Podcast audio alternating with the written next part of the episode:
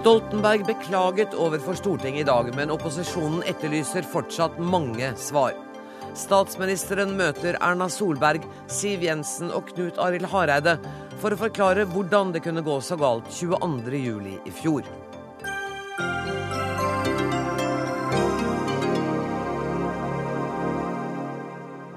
22. juli-orienteringen i Stortinget blir altså hovedsak i dagens sending.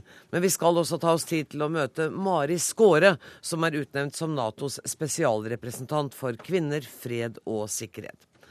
Men vi begynner med statsministerens orientering til Stortinget i dag. Foran en fullsatt stortingssal beklaget statsminister Jens Stoltenberg at beredskapen sviktet 22.07. Stoltenberg svarte også, på, svarte også opposisjonen på hvorfor det gikk så galt. Og Jens Stoltenberg, var kritikken fra opposisjonen slik du hadde forventet den i dag? Ja, det vil jeg si. Men først og fremst vil jeg si at jeg mener at det var en uh, god tone i Stortinget. Det var en uh, positiv uh, holdning til at det politiske Norge nå skal håndtere denne saken med det alvor, den verdighet som saken krever, som, som, også resten av samfunnet har håndtert det. Rettsapparatet, domstolen, har håndtert det på en ryddig og god måte. 22. juli-kommisjonen har gitt en veldig grundig og solid rapport. Og vi vet at etterlatte, pårørende, eh, ungdom på Utøya har vist en verdighet som det står veldig respekt av. Og nå er det opp til oss som politikere å håndtere det på en tilsvarende ryddig, ordentlig måte. Det betyr jo ikke at vi skal være enige om alt, men det betyr at eh, vi skal tilnærme oss med den, det alvor eh, og den innsikt i at dette er det mest alvorlige angrepet Norge har vært utsatt for i fredstid, som vi nå skal forstå, eh, gå inn i, men ikke minst eh, lære av for å gjennomføre handling og tiltak. Du beklaget, som jeg sa, overfor Stortinget i dag. Kan ikke du bare gjenta hva det var du sa i den beklagelsen?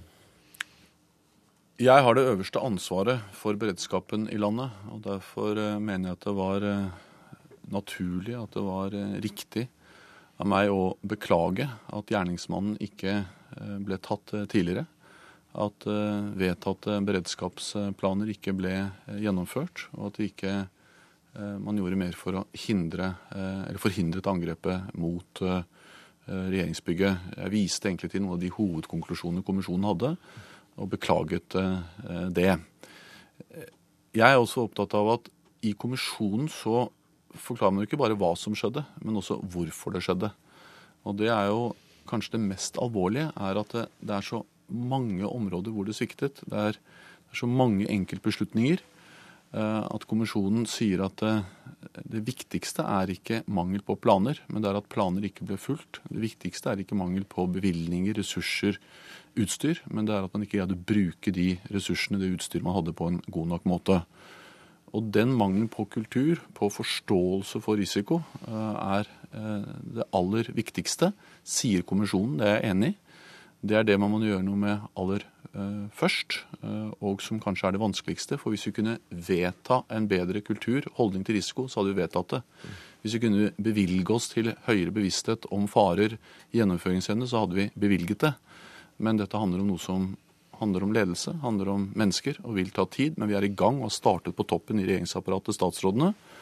Og så i tillegg så trenger vi bevilgninger. Eh, jeg annonserte bl.a. en ny beredskapsbase eh, i dag. Eh, at vi skal bruke mer penger på øvelser eh, og mange andre tiltak. Men det er på en måte enklere enn det som handler om kulturen, forståelsen som har sviktet. Mm. Og, og, dere snakket i dag om Vi må ta ett og ett punkt, statsminister, for mm. du var innom så mange nå. Men, men, du snakket om endringsledelseskultur i dag. Du har hovedansvaret for at den kulturen skal endres. Hvordan skal du gjøre det? Hvordan skal du forandre deg nå? Ved å gjøre det vi er i gang med i regjeringen. Vi har uh, hatt uh, det første møtet som bare var viet til beredskap. Uh, og det handler jo også om min bevissthet, min overvåkenhet, min holdning til risiko. Det å dypere erkjenne at i et trygt land som Norge er det farer. Det å håndtere risiko i et trygt samfunn er det vi ikke har mestret godt nok. Og Det handler om at vi skal ha egne møter i regjeringen for å få alle statsrådene til å bevisstgjøre seg på det. Vi har bestilt at de alle skal melde tilbake innen 1.10 hvordan de skal følge opp eh, rapporten. Og Det handler om at vi også nå eh, da skal bruke mer penger, mer tid på å øve og øve, og i tillegg lære mer av øvelsene. Fordi kommisjonen sier at det har vært øvd, men man har ikke tatt lærdom av øvelsene godt nok. Mm. Og Kommisjonen sier også at det har vært varslet, og man har ikke tatt varslingene inn over seg. Og Det gjelder vel også deg personlig når det gjelder eh, varselet du fikk i 2007 om at det var mer enn en 50% fare for at Norge ville bli utsatt for et terrorangrep. Vi må passe oss litt nå for ikke hva skal vi si, falle i den grøften at jeg mener ikke å gjøre det personlig. Nei, nei, nei men det er bare det at, det at, det er mangler, og det er mangler. Ja. Uh, og når det er mangler i beredskap, så er det veldig alvorlig, for da kan det føre til at mennesker dør. Mm. Men det betyr jo ikke at det ikke er iverksatt tiltak. Da vi f.eks. fikk uh, rapporter om uh, stor fare for et, at det kunne bli gjort forsøk på terrorangrep, mer enn 50% sannsynlighet i Norge, så husker jeg veldig godt at det tok vi på det største alvor. Vi eh, ba for det første justisministeren komme tilbake til, eh, etter drøfting med PST, med forslag til tiltak. Vi ba om at de ulike departementene satte seg sammen for å drøfte hva som kunne eh, gjøres. Og det kom opp forskjellige tiltak, og de ble fulgt opp. Dels med økte bevilgninger til spaning til utstyr. Dels ved at vi laget en egen forebyggende plan mot radikalisering. Fordi dette var et varsel om det man sa var fare for eh, eh, altså fundamentalistisk eller radikalisert islamsk terror man da pekte på faren for. Mm. Og Den styrkingen av PST var viktig. Den har nok bidratt til at man f.eks. avslørte terrorforberedelser på norsk jord, gikk til arrestasjoner sommeren 2010. Men man hadde jo ikke eh, oppmerksomhet på der terroren faktisk kom, nemlig fra en hvit etnisk nordmann. Fordi det varselet handlet om, var radikalisert eh, eh, islam eller muslimsk terror. Siv Jensen, er du fornøyd med statsministerens redegjørelse og beklagelsen han kom med i dag? Jeg var riktig av statsministeren å beklage. Det var helt nødvendig. Så syns jeg vel kanskje at uh, redegjørelsen var litt defensiv. Det kom noen konkrete tiltak. Det er bra. Uh, men mange blir skjøvet ut i tid. Noen ble til og med varslet at vi ikke vil få i løpet av, ja, på ubestemt tid. Og det er viktig. For det handler om hvordan vi skal organisere politiet i fremtiden. Og mange av disse forholdene er Det er jo ikke sånn at startpunktet for disse tingene begynte med 22. juli-kommisjonens rapport. Mye av dette har vi visst i årevis. Eh, hvor det har, eh, Om de har ligget i skuffer eller hvor de har vært, det får man jo diskutere, men man har ikke gjennomført det. Og det vi frykter nå, er jo at det blir nye år med utredninger og seminarer i stedet for gjennomskjæring og handlekraft. Det er problematisk. Så har jo tror jeg at Fremskrittspartiet og Arbeiderpartiet har litt ulik definisjon av hva som er raskt. Jeg skjønte at justisministeren i dag sier at når hun skal få på plass en fullverdig IKT-strategi, så mener hun det er raskt at den er på plass i 2016. Mm. Det syns ikke jeg er særlig offensivt, for å si det forsiktig. Det er bekymringsfullt, fordi mye av dette har vi visst om i 15 år. Mm. Og med all respekt, da burde noe vært gjort. Ja, og det står jo også i, eh, i kommisjonens uh, rapport mm. Eh, at eh, IKT-problemene har man både evaluert og hatt eh, konsulentuttalelser om i mer enn ti år. Sånn at det er kanskje enda fire år til litt defensivt. Statsminister, du kan få svare kort akkurat på det. Så er det noe jeg mener er fortvilet, så er det at det er så komplisert og så vanskelig å få eh, satt på plass og få orden på IKT-systemer i en stor eh, statlig etat eh, som politiet. Første gang det ble varslet alvorlige problemer, var i 1998. Mm. Så har det vært investert, det har vært brukt penger. Men det har ikke vært eh, investert i gode nok løsninger, i bra nok løsninger. Og som kommisjonen påpeker, det er jo faktisk slik at politiet har ikke evnen til å ta i bruk det fulle potensialet i det IKT-utstyret de allerede har. Så her er det dels at det er for dårlig utstyr, for dårlige programmer, mm. og dels at man ikke evner å ta i bruk det man har. Eh, Grete Faremo er veldig opptatt av det. Eh, hennes eh, beste faglige tilrådning er at det kommer til å ta tid å få på plass hele dette straffesakssystemet. Men hun har nå altså fått konseptet på plass, og mener at det skal kunne være mulig å få det på plass i løpet av noen år. Og gjør, det, gjør vi det, så er det i hvert fall at det endelig skjer noe med noe som har ligget der i Eh, veldig mange år, helt siden 90-tallet. Okay, jeg går til Knut Arild Hareide. Du, var, eh, du, hadde flere kritiske merknader i dag, og du mente også at regjeringen har på et tidligere tidspunkt um, feilinformert Stortinget. Det er jo en alvorlig beskyldning å komme med. Ja, det er klart at Når vi har en redegjørelse med en så alvorlig sak som vi har i dag, så er det òg viktig å få fram regjeringa sin informasjonsplikt til Stortinget. Og Derfor syns jeg det var rett nettopp i dagens møte å ta opp eh, den saken, som går på at regjeringa 10.11.2011 gav informasjon Jeg tror ikke de på det tidspunktet visste at den informasjonen ikke stemte. Og det sa jeg òg, at uh, fra Stortingets talerstol Jeg opplever ikke dette som noen bevisst handling fra regjeringa. Men det viser seg da i etterkant at den informasjonen ikke var riktig. Mm. Da vil jeg benytte anledningen i dag til å rette opp det.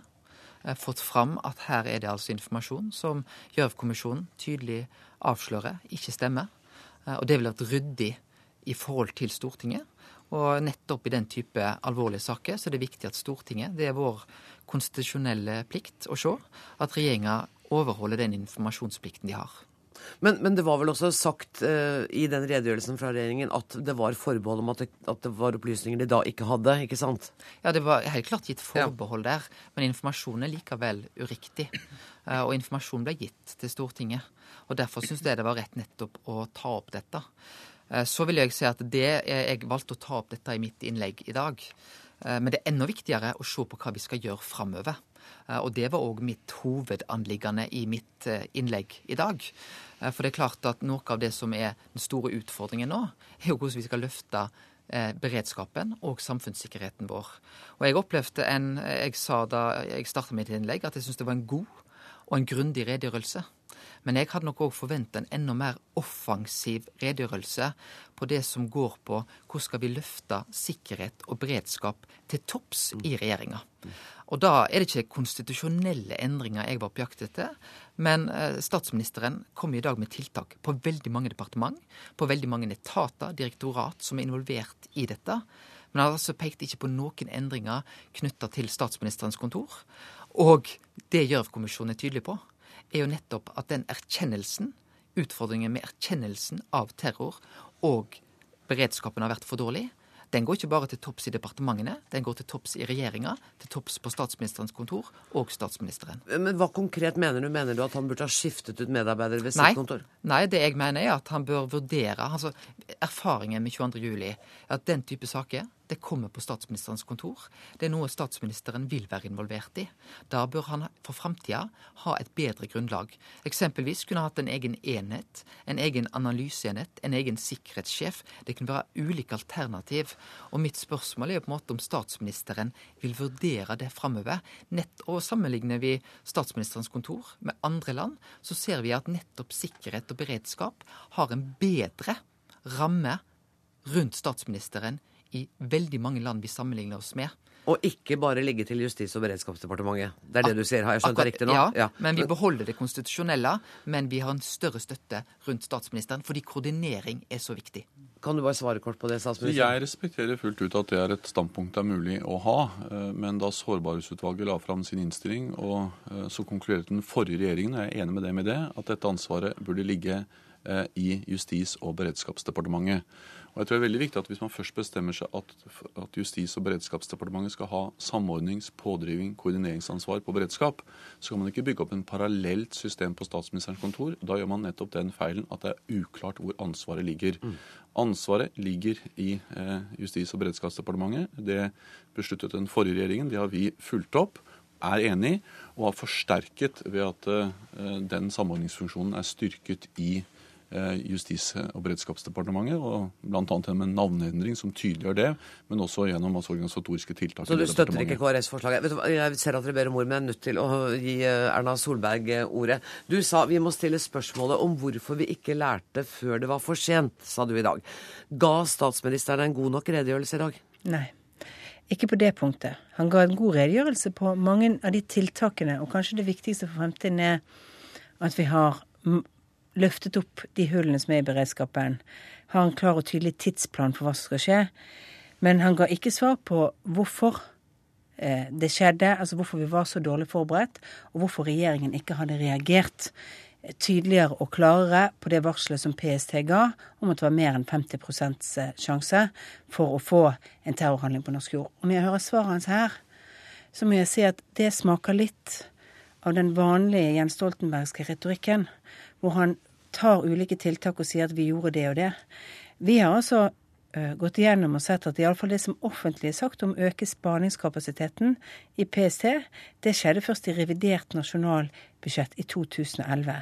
Det er nesten fire år etter dette varselet. Og dette var et tema i spørretimen i Stortinget et halvt år før når Wikileaks-lekkasjene kom ut og fortalte at vi bare hadde spaningskapasitet på tre personer av gangen i Norge, da føler jeg at, at nå finner Stoltenberg noen argumenter for noe han tidligere i dag har følt var vanskelig og litt dårlig svar på. Det syns jeg ikke er erkjennelse av lederskap. Eh, det er en unnskyldende form for lederskap. Det syns jeg faktisk er for dårlig. Dette kommer vi tilbake til når kontroll- og konstitusjonskomiteen skal gå gjennom det. Det som er det hovedspørsmålet, er rett og slett når du får et varsel som er så alvorlig, fem, mer enn 50% sjanse for at noe skjer, hvorfor går ikke alle alarmklokkene på beredskap da?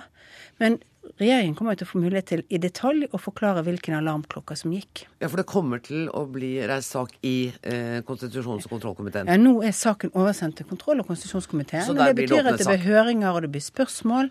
Og da syns jeg at statsministeren må passe på å ikke bruke debatten i dag til å forsøke å lage svar som kanskje ikke er riktige. Det var et råd til statsministeren Det med det et spørsmål. Derfor gir jeg ordet til Siv Jensen nå. Du ba om ordet til Var det til dette? Ja, til to forhold. Det ene er jo at, at situasjonen for PST er jo på ingen måte bra nok. Statsministeren sier jo at man har jo kommet med masse bevilgninger og man har jo gjort masse. Vel, det har primært gått til å styrke livvakttjenesten og til et nytt bygg, og ikke nødvendigvis til å styrke deres etterforskningskapasitet til å forebygge handlinger. Og de har flere indikasjoner på at situasjonen er alvorlig. Problemet er at Fremskrittspartiet nå igjen de siste syv årene har etterlyst mer kunnskap om den faktiske situasjonen i PST. Vi vet ikke hvordan ståa er. Det vi vet, er at budsjettene har økt. Det vi vet, er at vi har eh, gradvis mer åpne trusselvurderinger, men vi vet ikke det hele bildet. Den informasjonen har vi altså ikke klart å få ut. Jeg mener det er problematisk av to grunner. Det ene er fordi Stortinget har budsjettansvar. Og vi sitter altså og vedtar PSTs budsjett hvert eneste år uten å ha innsikt i om det vi gjør er riktig. Det andre er at vi har et kontrollansvar for at eh, jobben blir gjort på en ordentlig måte. Og når vi ikke har innsikt, så kan vi heller ikke kontrollere. Så har jeg lyst til å si det er kanskje ikke min jobb å komme til statsministerens forsvar, men det er altså ikke bare eh, Stoltenbergs regjering som har hatt ansvar for at det er svikt i beredskapen. Eh, vi har altså fått Sårbarhetsutvalget, som kom for tolv år siden. Eh, det har vært mange andre problemstillinger som har vært gjentatt debattert, og som mange regjeringer må ta ansvar for. Så jeg syns jo at man skal være litt opptatt av det eh, når vi nå går inn og diskuterer tiltak for fremtiden. Mange har sviktet. Eh, og det må kontrollkomiteen gå gjennom og se på hvor har det sviktet. Når burde ansvaret vært tatt? Når burde IKT-beredskapen vært på et anstendig nivå osv. Så, så her må man nok være litt varsom. Men det jeg er opptatt av nå, er at de tiltakene vi skal iverksette, kommer raskt. Og her igjen, tilbake til det jeg sa i stad. Stoltenberg har nok litt ulik definisjon av hva som er raskt. Det sa du i sted. Um, Harald, jeg må bare spørre deg. I dag uh, opplevde i hvert fall jeg da jeg fulgte med at det ikke var noen jakt på verken statsministerens, regjeringens eller statsråders hoder. Uh, er, vi, er vi ferdig med den prosessen? Var det nok at én politidirektør gikk, og så går vi videre med det mannskapet som nå er? Er det sånn? Jeg er glad for at eh, Anne Grosvold har opplevd det slik. For det jeg har tenkt har vært viktig for opposisjonen i dag, er å være kritisk, men òg konstruktiv. Det var tydelighet i, i saken. Så er dette starten på en prosess i Stortinget. Nå blir det en eh, sak i kontroll- og konstitusjonskomiteen. Eh, Så vet vi at det ligger en stortingsmelding om samfunnssikkerhet og beredskap. Og det er òg varsla en ny stortingsmelding fra regjeringen rundt årsskiftet. Så det blir en lengre prosess. Eh, Men jeg er opptatt av at den prosessen må være grundig. Og så kan ikke vi snakke nå om eventuelt hva konklusjonen skal bli. Det. Men, men det er nettopp det å lære å få til endringer til å gjøre Norge tryggere, som er vår jobb nummer én. Mm. Det spiller i og for seg ikke noen rolle hvordan jeg oppfatter det, men hvordan oppfattet du det i dag, statsminister? Oppfattet du også at det ikke var noen jakt på verken statsråder eller regjeringshoder i dag? Nei, jeg oppfattet ikke at det var det, men jeg oppfattet at det var en eh, grunnleggende sett eh, god tone. Eh, det var et, en vilje til å få til det samarbeidet vi alle er tjent med, nemlig at regjering og storting samarbeider om de alvorlige tiltakene vi nå skal gjennomføre eh, sammen. Da er det også rom for ulike meninger, men det er godt å se at det er en vilje til å håndtere dette på en konstruktiv måte. Og det er en utålmodighet blant, rundt bordet her på at ting må, må komme fort i gang. Ja, absolutt, og det deler jeg. og Derfor er det også slik at vi har ikke ventet på kommisjonen eller på vår egen stortingsmelding før vi har iverksatt tiltak. Det er iverksatt mange tiltak allerede. Jeg viste til 19 konkrete i redegjørelsen. Og fem i tillegg. Ja, og de er jo tidfestet. Det kommer i budsjettet mer penger til øvelse. Det kommer penger til prosjektering av dette nye beredskapssenteret. Og fra januar neste år så vil Forsvaret kunne bistå også i håndhevelse, altså i skarpe oppdrag til politiet. Så det er mye som er tidfestet. Men det viktigste tiltaket det er allerede startet, og det er dette som handler om ledelse og kultur. Men det vil ta tid å nå de målene vi setter oss. Jeg beklager, men jeg er helt nødt til å sette strek. Men tusen takk for at dere kom, statsminister Jens Stoltenberg. Leder Siv Jensen, Fremskrittspartiet, Knut Arild Hareide, Kristelig Folkeparti og Erna Solberg fra Høyre. Inn i studio har kommet eh, kommentatorene Kyrre Nakkim, som er politisk redaktør her i NRK, Elisabeth Skarsbø Moen, debattredaktør og politisk kommentator i VG. Statsministeren beklaget altså fra Stortingets talerstol fra, Der falt en mikrofon. Det er sånn som skjer. Um, jeg tar det forfra. Jens Stoltenberg beklaget altså fra Stortingets talerstol at Grubbegata ikke var stengt, og at gjerningsmannen ikke ble stanset tidligere, og at flere tiltak ikke ble iverksatt. Og Skarsbø Moen, hva innebærer den begrensningen i det han beklaget i dag? Ja, først og fremst er det viktig at han tar initiativet til beklagelsen sjøl. Det er der det ligger. Og når han gjør det, så er det et eh, oppriktig ønske om en beklagelse og markering av det. Eh, Det er noe annet hvis han blir pressa til å beklage. Da er det, tyder det på at det er en på- statsminister på vei ut, en som er i ferd med å gå av. Og det var det ikke vi så i dag. Det var det ikke. Hvordan fremstår han foran Stortinget i dag? Jeg så han tok en lang pause før han starta. Det var åpenbart at dette eh, Han anstrengte seg. Han jobba hardt synes jeg, på den talerstolen for å overbevise både salen, og sikkert tenkte han også på alle som satt og så på TV, vil jeg tro. Eh, og ikke minst de som er etterlatte, og ikke alle som er ramma i hans eget parti. Eh, og han er jo den som best av alle de som gikk på talerstolen i dag, veit at det helt utenkelige kan skje. Så det er klart at han følte på det ansvaret og, og den sorgen som det partiet har eh, båret på, helt klart. Og samtidig så kjemper han seg et politisk eh, liv. Eh, han må vise, han må skape sikkerhet for at Norge er trygt når han går til valg i 2013, ellers blir han ikke gjenvalgt.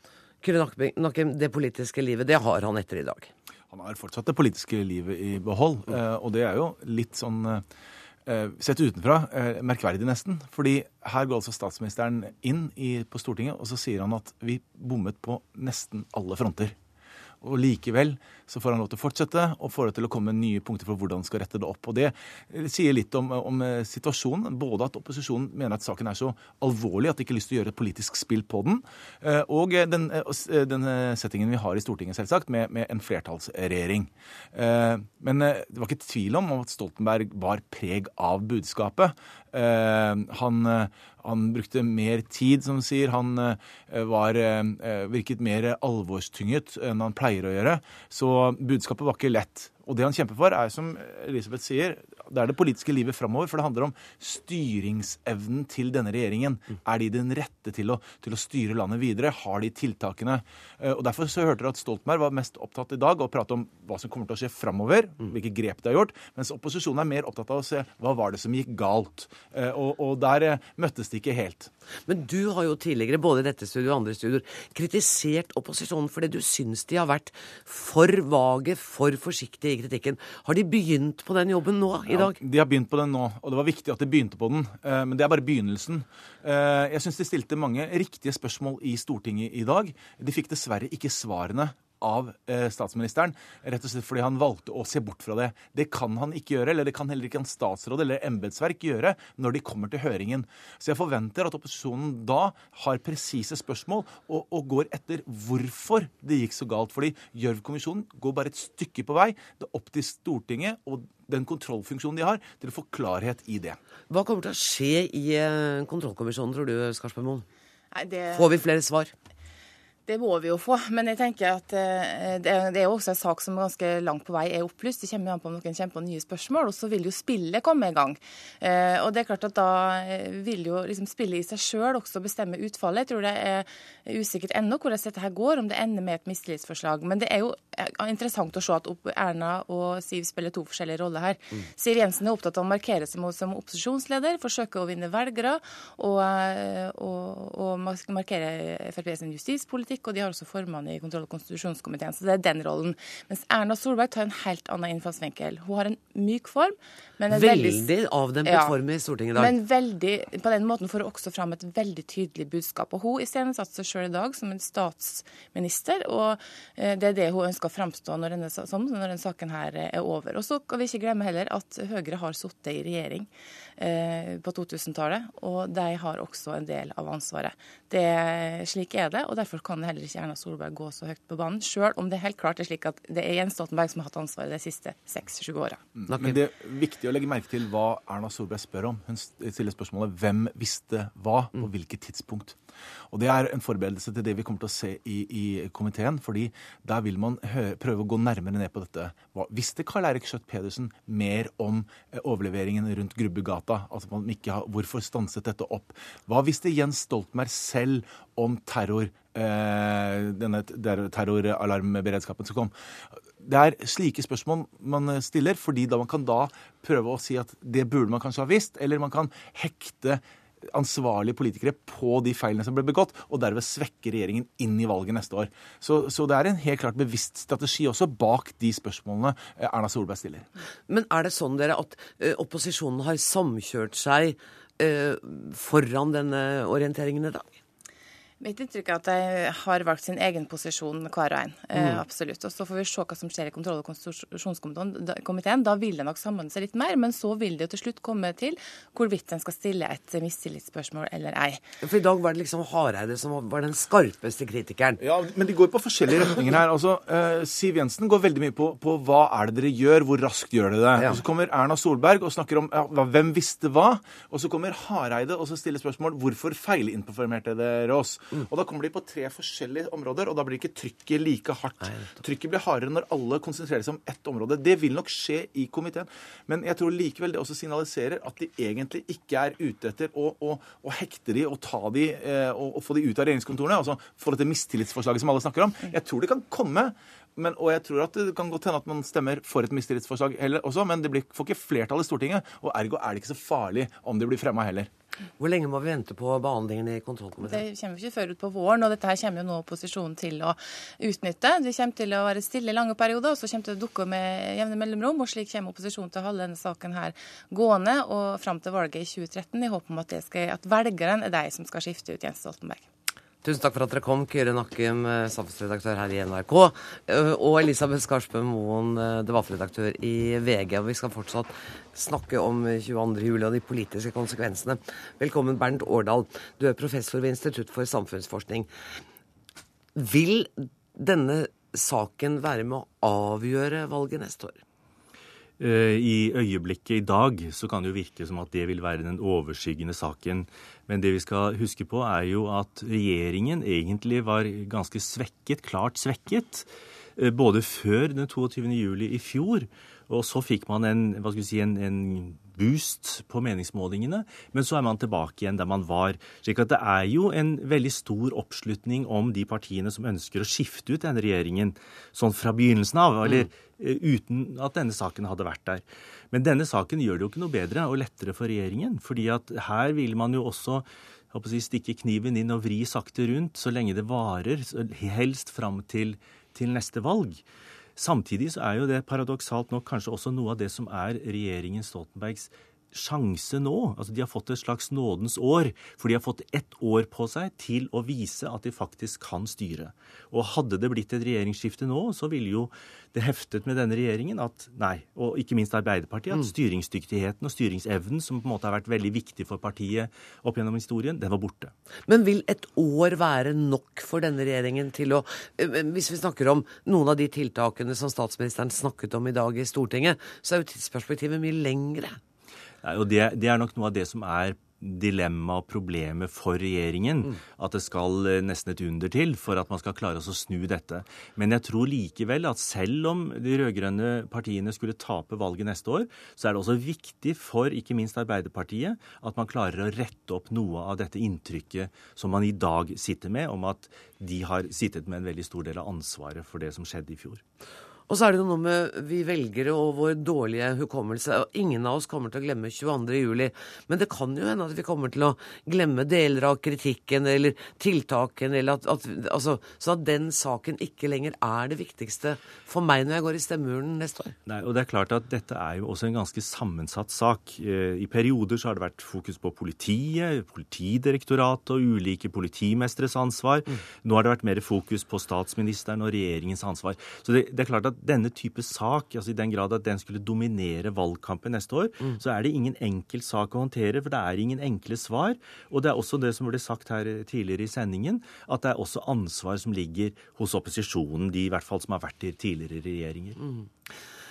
Hvor viktig, eller hvor viktig symbolsk i hvert fall, er det at opposisjonen har ikke gått til noe frontalangrep på regjeringen i Stortinget i dag?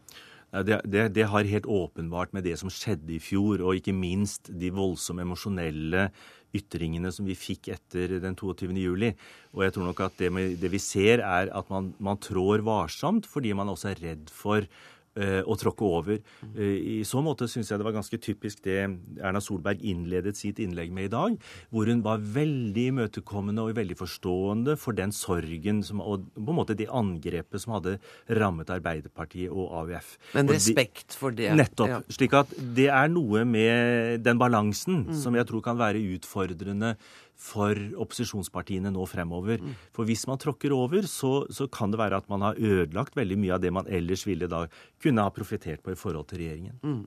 Alle opposisjonspartiene ga vel i og for seg uttrykk for den samme Ja da, de var, de, de var for veldig forsiktige, og de vet jo at det er sterke følelser som er i, er i sving. Mm. Eh, men det er klart det har skiftet. Fokus har skiftet fra i fjor, etter sorgen og reaksjonene, over nå til dette med, med ansvar. Jeg så en uttalelse fra en pårørende representant, en av de pårørende etter Utøya, som sa at det vi ønsker oss, er tiltak, ikke en politisk krangel. Tror du han kommer til å få ønsket sitt oppfylt det nærmeste året? Eh, altså, krangel noe, kaller noen det, men det er klart konflikt er eh, drivstoff i politikken. Så, så det, det er en del av den politiske prosess, at det skal være uenighet.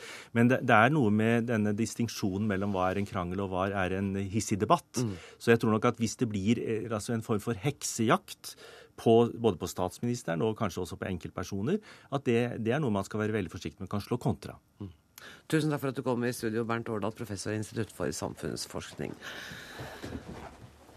Og inn i studio nå kommer noen av dem som har kunnskap om sikkerheten her i landet. Direktør i Direktoratet for samfunnssikkerhet og beredskap, Jon Alea. Stoltenberg har i dag lagt fram flere forslag for å bedre beredskapen. Er han på rett spor nå med tanke på hva vi trenger mest? Vi er eh, helt sikkert på rett spor i forhold til mange av de tiltakene som eh, regjeringen eh, foreslår. Å til doms over hva som er der og ikke er der, er, er på en måte en, en vanskelig oppgave her og nå. Men, men det er den kortsiktige delen og tiltaksdelen.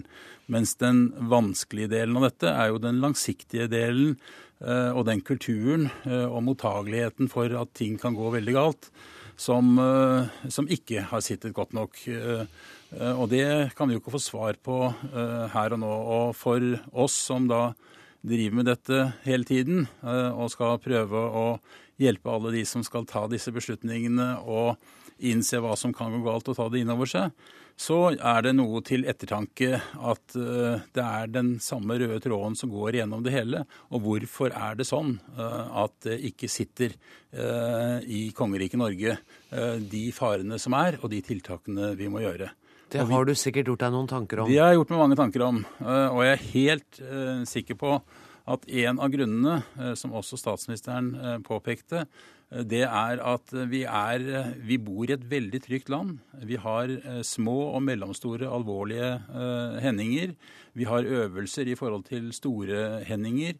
Men vi klarer ikke helt å innse hva som kan tenkes å gå galt. Mm. Og alle de læringspunktene som vi da har prøvd å få fram i løpet av de siste årene, de må ses på bakgrunn av at det er de små og mellomstore hendingene. Og så har vi da ikke villet helt se og ta inn over oss eh, de verste hendingene. Og så rammet den oss, og så skal vi prøve å forberede oss. Er det en fare nå for at det man setter i gang tiltak for å bekjempe, eller tiltak for å mestre neste gang, at vi bare ser det vi nå har opplevd, og så kan det være noe helt annet som rammer oss neste gang, og så er vi like uforberedt igjen? Ja, Nå tror jeg at det er veldig viktig å gjøre det som eh, regjeringen har tenkt, og, hele det politiske liv, eh, forhåpentligvis i enighet, har tenkt eh, å gjøre i forhold til denne delen av det å ha et trygt land. Men selvfølgelig så er det sånn at når vi får så store hendinger, så blir vi veldig opptatt av at det ikke skal skje en gang til. Mm. Sånn som det var etter tsunamien. Sånn som amerikanerne hadde etter 9-11, og så mm. fikk de Katrina og ble veldig overrasket, for det var noe helt annet.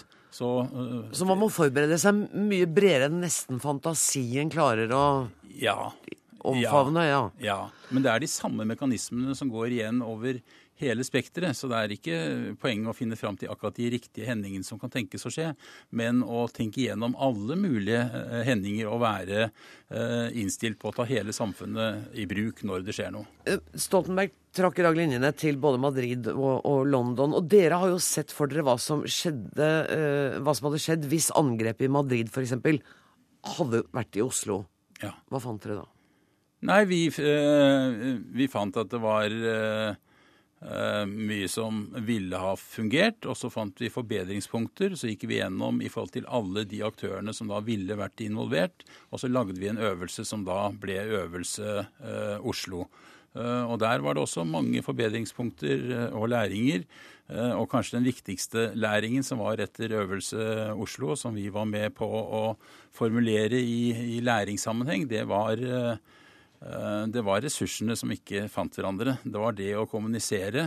Det er det rapporten sier òg? Det er det rapporten uh, sier, og som da er så vanskelig, og som vi spør oss om hvorfor er det sånn at vi hel ikke helst vil innse det. Og så mm. har vi noen tanker om hvorfor det er slik. Men hvorfor gjorde dere ikke noe med det etter den øvelsen? Eller hvorfor brakte dere ikke det videre etter den øvelsen? Jo da, det, alt dette ble brakt videre. Ja. Uh, så alle så, skjønte det? Så alle skjønte det, men så klarer vi som samfunn ikke å ta det helt inn over oss at eh, det kan skje. Og så tror jeg at mange av de forbedringspunktene som da har vært, de har vært relatert til små og mellomstore hendelser, og ikke de store. Så tror jeg i tillegg at siden vi er et rikt land, eh, så er det også sånn at alle de som da ikke har lyst til å få hjelp av naboen, de eh, prøver å skaffe alle ressursene selv eh, for å, i en slags eh, hva skal jeg si, misforstått eh, stolthet, eh, og for å gjøre den jobben som de er satt til å gjøre. Og, og, sånn sett så blir de da ikke flinke nok til å ta hele samfunnet i bruk. Enten det er en terrorsituasjon, eller det kan være, tenkes å være helt andre situasjoner. Stabssjef ved Forsvarets forskningsinstitutt, eh, Jan Erik Torp, jeg blir ikke veldig beroliget av det Lea sier her. Altså, Man har sendt varslene, man har øvd og man har meldt det oppover, men allikevel skjer det ikke noe. Er det fare for at regjeringen nå blir for opptatt av dette 22.07-angrepet, og dermed ikke klarer å gi oss en bedre beredskap? Det er en åpenbar fare at man kan se for mye til 22.07 og skreddersy en fremtidig beredskap rundt den hendelsen. Eh, for man ser jo det stadig vekk, også innenfor eh, skal vi si, forsvar generelt. Og da tenker jeg ikke nødvendigvis bare på Norge, at man har en tendens til å utkjempe den forrige krigen. Mm. Eller planlegge for den, for den forrige krigen, og ikke den neste. Hvis det er et problem, og det som Lea sier er et problem, at vi sitter, altså naboen, la oss f.eks. tenke politi og forsvar, begge bygger opp sin egen kompetanse uten å samarbeide. Og man står igjen i fare for at det skal være sånn at ressurser ikke møtes. Vi har nok av dem, men de finner ikke samme vei. Er det også en trussel? Altså, nå må jeg få legge til at jeg syns jo at en del av de tiltakene som er foreslått nå etter 22.07, faktisk adresserer noe bredere enn en sånn situasjon som vi var oppe i da. Så, så, så dystert er det ikke. Hvilke tiltak da? Har du noen konkrete? Ja, dette med mer øvelser, bedre ledelseskoordinering, IT-systemer, IKT-beredskap. Ja, Da snakker vi om et fire-femårsperspektiv. I hvert fall når det gjelder IKT, ifølge justisministeren. Ja, men det viktige her er jo å bevege seg i riktig retning. Jeg, jeg, hører faktisk med til de som mener at man skal bruke litt tid på å planlegge for å gjøre de riktige tingene. Og, og, eh, som teknolog på Forsvarets forskningsinstitutt så vil jeg jo si det at det er viktig når man skal gjøre anskaffelser, at man faktisk tenker seg om og anskaffer systemer som fungerer, mm. og tar den nødvendige tiden til å teste ut og, og, evaluere at det fungerer, og ikke bare løper og prøver å få til en hasteløsning som kanskje i neste omgang viser seg å ikke være helt optimal. Så det er ditt råd til litt utålmodige politikere som vi har hatt tidligere her i kveld? det er iallfall et uh, aspekt som jeg syns bør tas med, ja. Eh, justisminister Farmo varsler i dag også flere øvelser. Eh, nå har vi hørt at det har altså vært øvd på det som het Øvelse Oslo, hvor man så for seg et Madrid-scenario i Oslo. Man varslet om hva som skjedde med det. Og da tenker jeg, er det virkelig så lite verdt, disse øvelsene? Nei, det tror jeg ikke nødvendigvis. Øvelsene er gode for de som er involvert der og da. Det det kanskje skorter litt på, det tror jeg har vært nevnt her tidligere i kveld òg, det er denne systematikken i å evaluere øvelser og få faktisk de lærdommene man da lærer, inn i det operative igjen. Eh, men så er det jo òg en, en, utfordring at folk skifter jo jobb stadig vekk. Det kommer nye mennesker inn i nye posisjoner som skal øves, sånn at man må ha en viss hyppighet og, og regelmessighet i dette her. Og, og, det virker det jo som man nå har tenkt på, som er et konkret tiltak etter 22.07. Og Jon Lea, da er vi igjen tilbake til altså både at øvelsene skal man lære noe av, men også den ledelseskulturen som du snakket om helt innledningsvis. For den, det må jo ikke være sånn at det er avhengig av at den og den sitter i den jobben i all evighet for å kunne få noe nytte av dette her? Nei det, nei, det er veldig viktig. For dette er ikke enkeltpersoner. Dette er eh, på en måte levende organisasjoner som skal kunne fungere under uh, sterkt press. Og det gjelder alle disse organisasjonene. Men jeg tror også at uh, mottageligheten for læring, for å si det sånn, for hele Norge er mye større nå uh, enn det den var tidligere. Det ble en forferdelig kostbar eh, lærdom, men mottageligheten for lærdom på lang sikt tror jeg blir, vil bli helt annerledes. Utnyttelsen av Forsvarets ressurser var også et punkt som ble tatt opp. Har vi i for stor grad drevet eh, denne dobbeltkunnskapen som eh, Lea var inne på? Jeg skal på ingen måte stille meg til doms over det som har vært. Det har jeg ikke noe faglig grunnlag for å gjøre. Altså, vi har gjort våre, våre studier. og Eh, det ligger ikke noe klart i det om dette har vært for, for dårlig. Men, men, det er klart at det kan helt sikkert bli bedre. Og vi, vi, ser helt klare indikasjoner på det. At vi er et lite land. Vi har ressurser på forskjellige steder.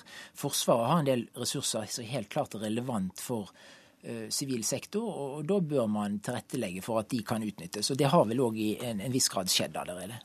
Da sier jeg eh, tusen takk til eh, Jon A. Lea og til Jan Erik Torp. Og dermed setter vi strek for 22.07. juli i denne sammenheng. Hør Dagsnytt 18 når du vil, på nettradio eller som podkast. nrk.no – dagsnytt 18.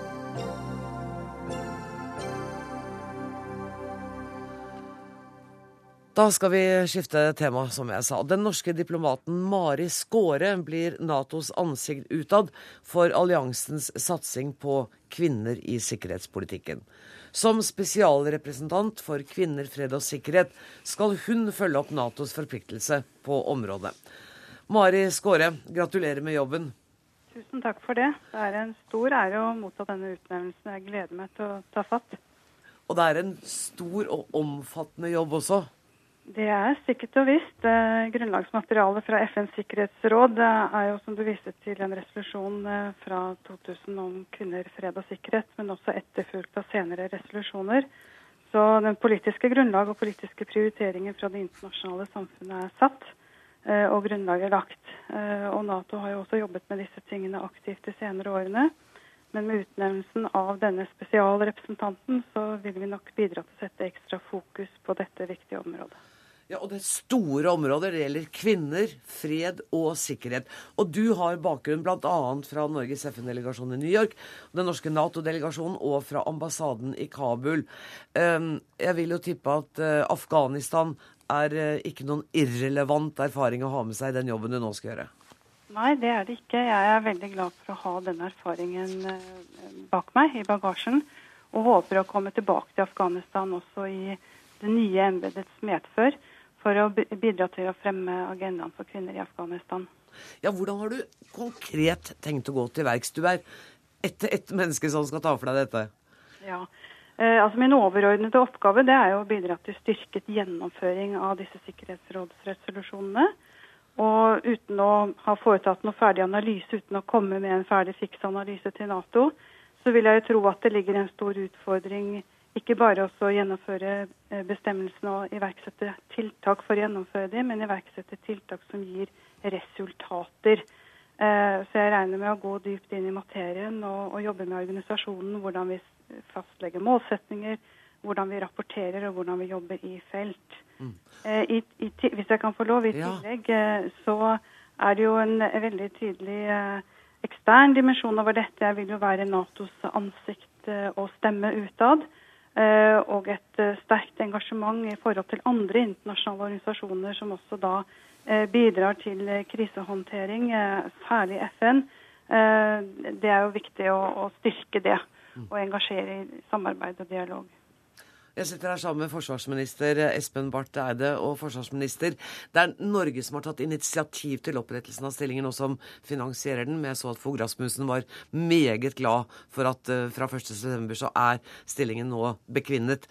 Um, hvorfor er det nødvendig at vi har en representant som skal se for seg særlig kvinner, fred og sikkerhet? La meg først uh, få gratulere Mari Skåre og understreke at vi er både veldig glad for at denne stillingen er på plass, og veldig glade og stolte over at den er besatt av en dyktig norsk diplomat med veldig relevant erfaring.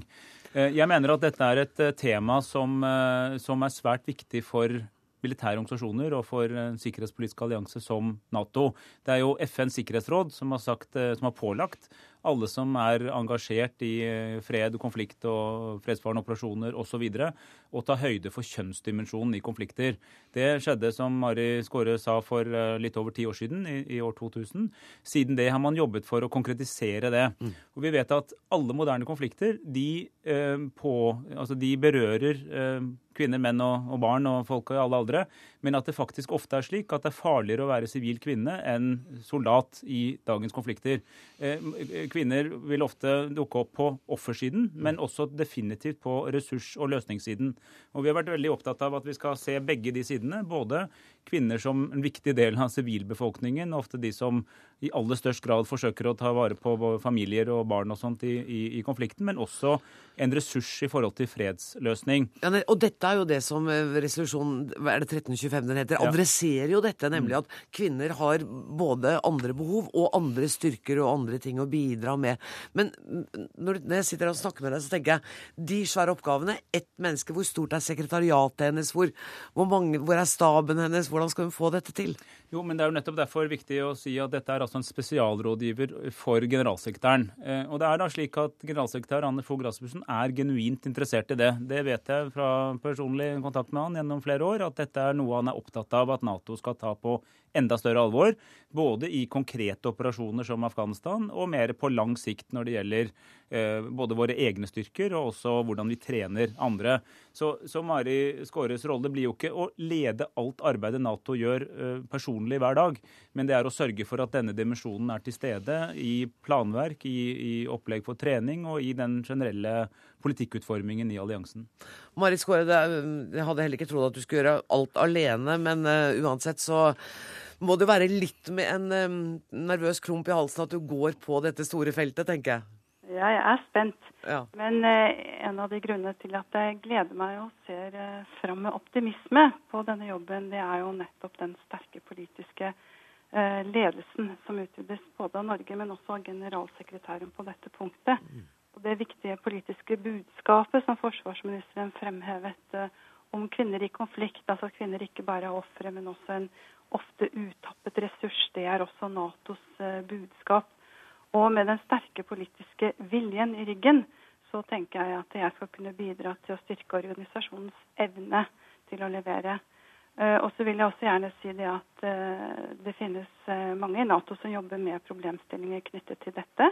Men en av mine oppgaver vil jo være å samle ressursene og sørge for at de blir utnyttet på en best mulig måte. Det er i hvert fall helt sikkert at du har forsvarsministerens fulle støtte. Jeg ønsker deg lykke til, Mari Skåre, Natos spesialrepresentant for kvinner, fred og sikkerhet. Og jeg sier hjertelig takk til Espen Barth Eide, vår forsvarsminister, som kom i studio i Dagsnytt 18.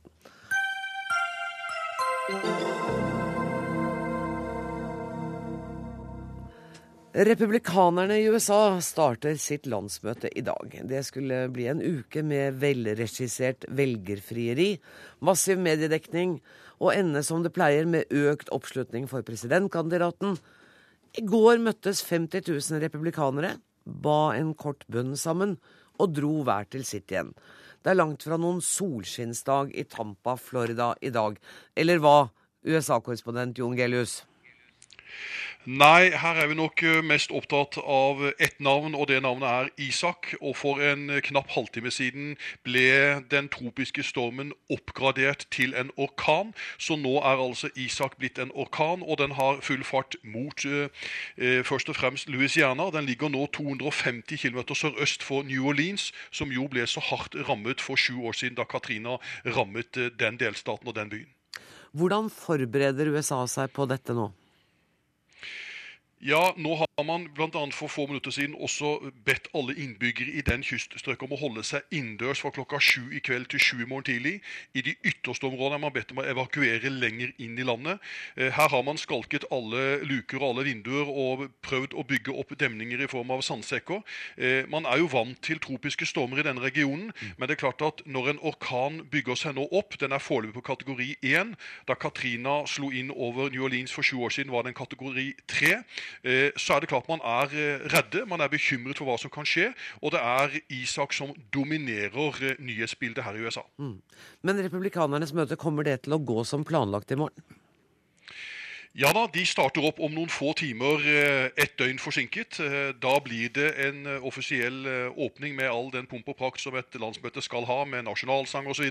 Og, så er det lagt opp til to viktige taler i kveld, eller to som i hvert fall ventet mye oppmerksomhet rundt. Den ene er tidligere en av president-upcomings i forhold til å bli en visepresidentkandidat. Han ble jo aldri det, Christie, som skal være på talerstolen. Men først og fremst er det Ann Romney alle venter på. Hun skal tale i natt norsk tid, og det er klart at hennes tale blir den første personlige talen foran alle partifellene for å motivere dem til å slutte helhjertet om, om mannen Mitt Romney som presidentkandidat. For det valget skjer først senere uken. Mm. Eh, bortsett fra hennes uh, tale i natt, uh, hvilke saker er det folk er mest opptatt av når det gjelder landsmøtet? Ja, Det de prøver å få banket inn eh, i de nasjonale mediene, også overfor partifellene, og muntre dem opp til å gå i krigen med, det er den økonomiske politikken først og fremst. Mm. Inni den store landsmøtesalen som jeg var senest i går, og skal på vei dit nå også igjen, eh, der er det to blant, satt opp to svære lysskilt som teller hele tiden hvor mye den amerikanske statsgjelden er. Den ene viser i øyeblikket hvor mye den er per nå. Den andre teller opp hvor mye den har økt siden landsmøtet startet. Så det er økonomi, økonomi og økonomi som er fokuset for republikanerne. og Derfor er det også spenning knyttet til hva er det egentlig de nå vil lansere for å gå i holdt på å si, krigen mot demokratene mot president Obama. Tusen takk for at du var med oss, eh, korrespondent Jon Gelius. USA-kjenner og historiker Halvard Notaker. Eh, hvordan kan dette kommende uværet påvirke valgkampen? Eller kan det det i det hele tatt? Nei, Det viktigste er jo at de mister en av dagene som, eh, som, som republikanske partiet har hatt eh, for seg selv. Som de har da på en måte førsterett på alle nyhetene. Så de får satt dagsorden i hvert fall én dag mindre, og kanskje mindre utover i uka også, hvis dette blir alvorlig for, eh, for de som bor i, rundt Gulfen. Hvorfor er dette landsmøtet så viktig som mobiliseringsfaktor? Det er fordi at det er nå de skal for det første fortelle hvem Mitt Romney er. En gang til, vil kanskje mange si. Ja. Uh, og det er nå de kan vise at de er et samlet parti. For det republikanske partiet de siste årene har uh, vært preget av en viss uro om politisk retning. Dette Tea Party-elementet og det mer etablerte. Og, og, det har ikke alltid greid å samle seg om uh, det som ledelsen har gått inn for i Representantenes hus, f.eks. Ting som har skapt mye uro. Og primærvalgkampen skaper viss, et visst fokus på de forskjellige elementene som finnes innom, innen både det og det andre partiet. Eh, så nå skal de stå samlet. Dette er den mannen vi vil ha, og feie vekk alt det som har vært før av eh, splittelse. Ja, og da har han jo behov for å komme på forsidene og som hovedoppslag i, i mediene. Og nå konkurrerer han altså med orkanen Isak, eh, og det har vært turbulens i partiet hans.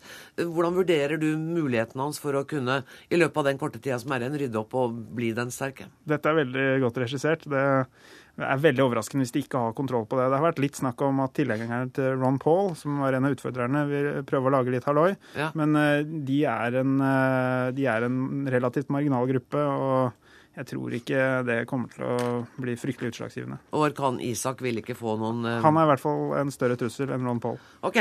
Svein Melby, du er seniorforsker ved Institutt for forsvarsstudier. Uavhengig da, av Isak og hvordan været blir, hva tror du er den viktigste saken i denne valgkampen? Ja, Den viktigste saken i valgkampen er som det ble sagt tidligere her, økonomien. Amerikansk økonomi. Det sliter med stor arbeidsledighet, forferdelig store stats, underskudd på statsbudsjettet. Og det er en elendig vekst i, i amerikansk økonomi som gjør at eh, tendensen er vel heller negativ enn positiv. Så det å få et budskap eh, fra dette landsmøtet om en positiv agenda for å snu på disse negative trendene, det er den viktigste saken som, eh, som Mitt Romney kan levere. Men jeg tror det også er forferdelig viktig for Mitt Romney å fremstå som en, en, si, en, dyktig lederskikkelse som kan klare å samarbeide på tvers av partiskillelinjer i Washington.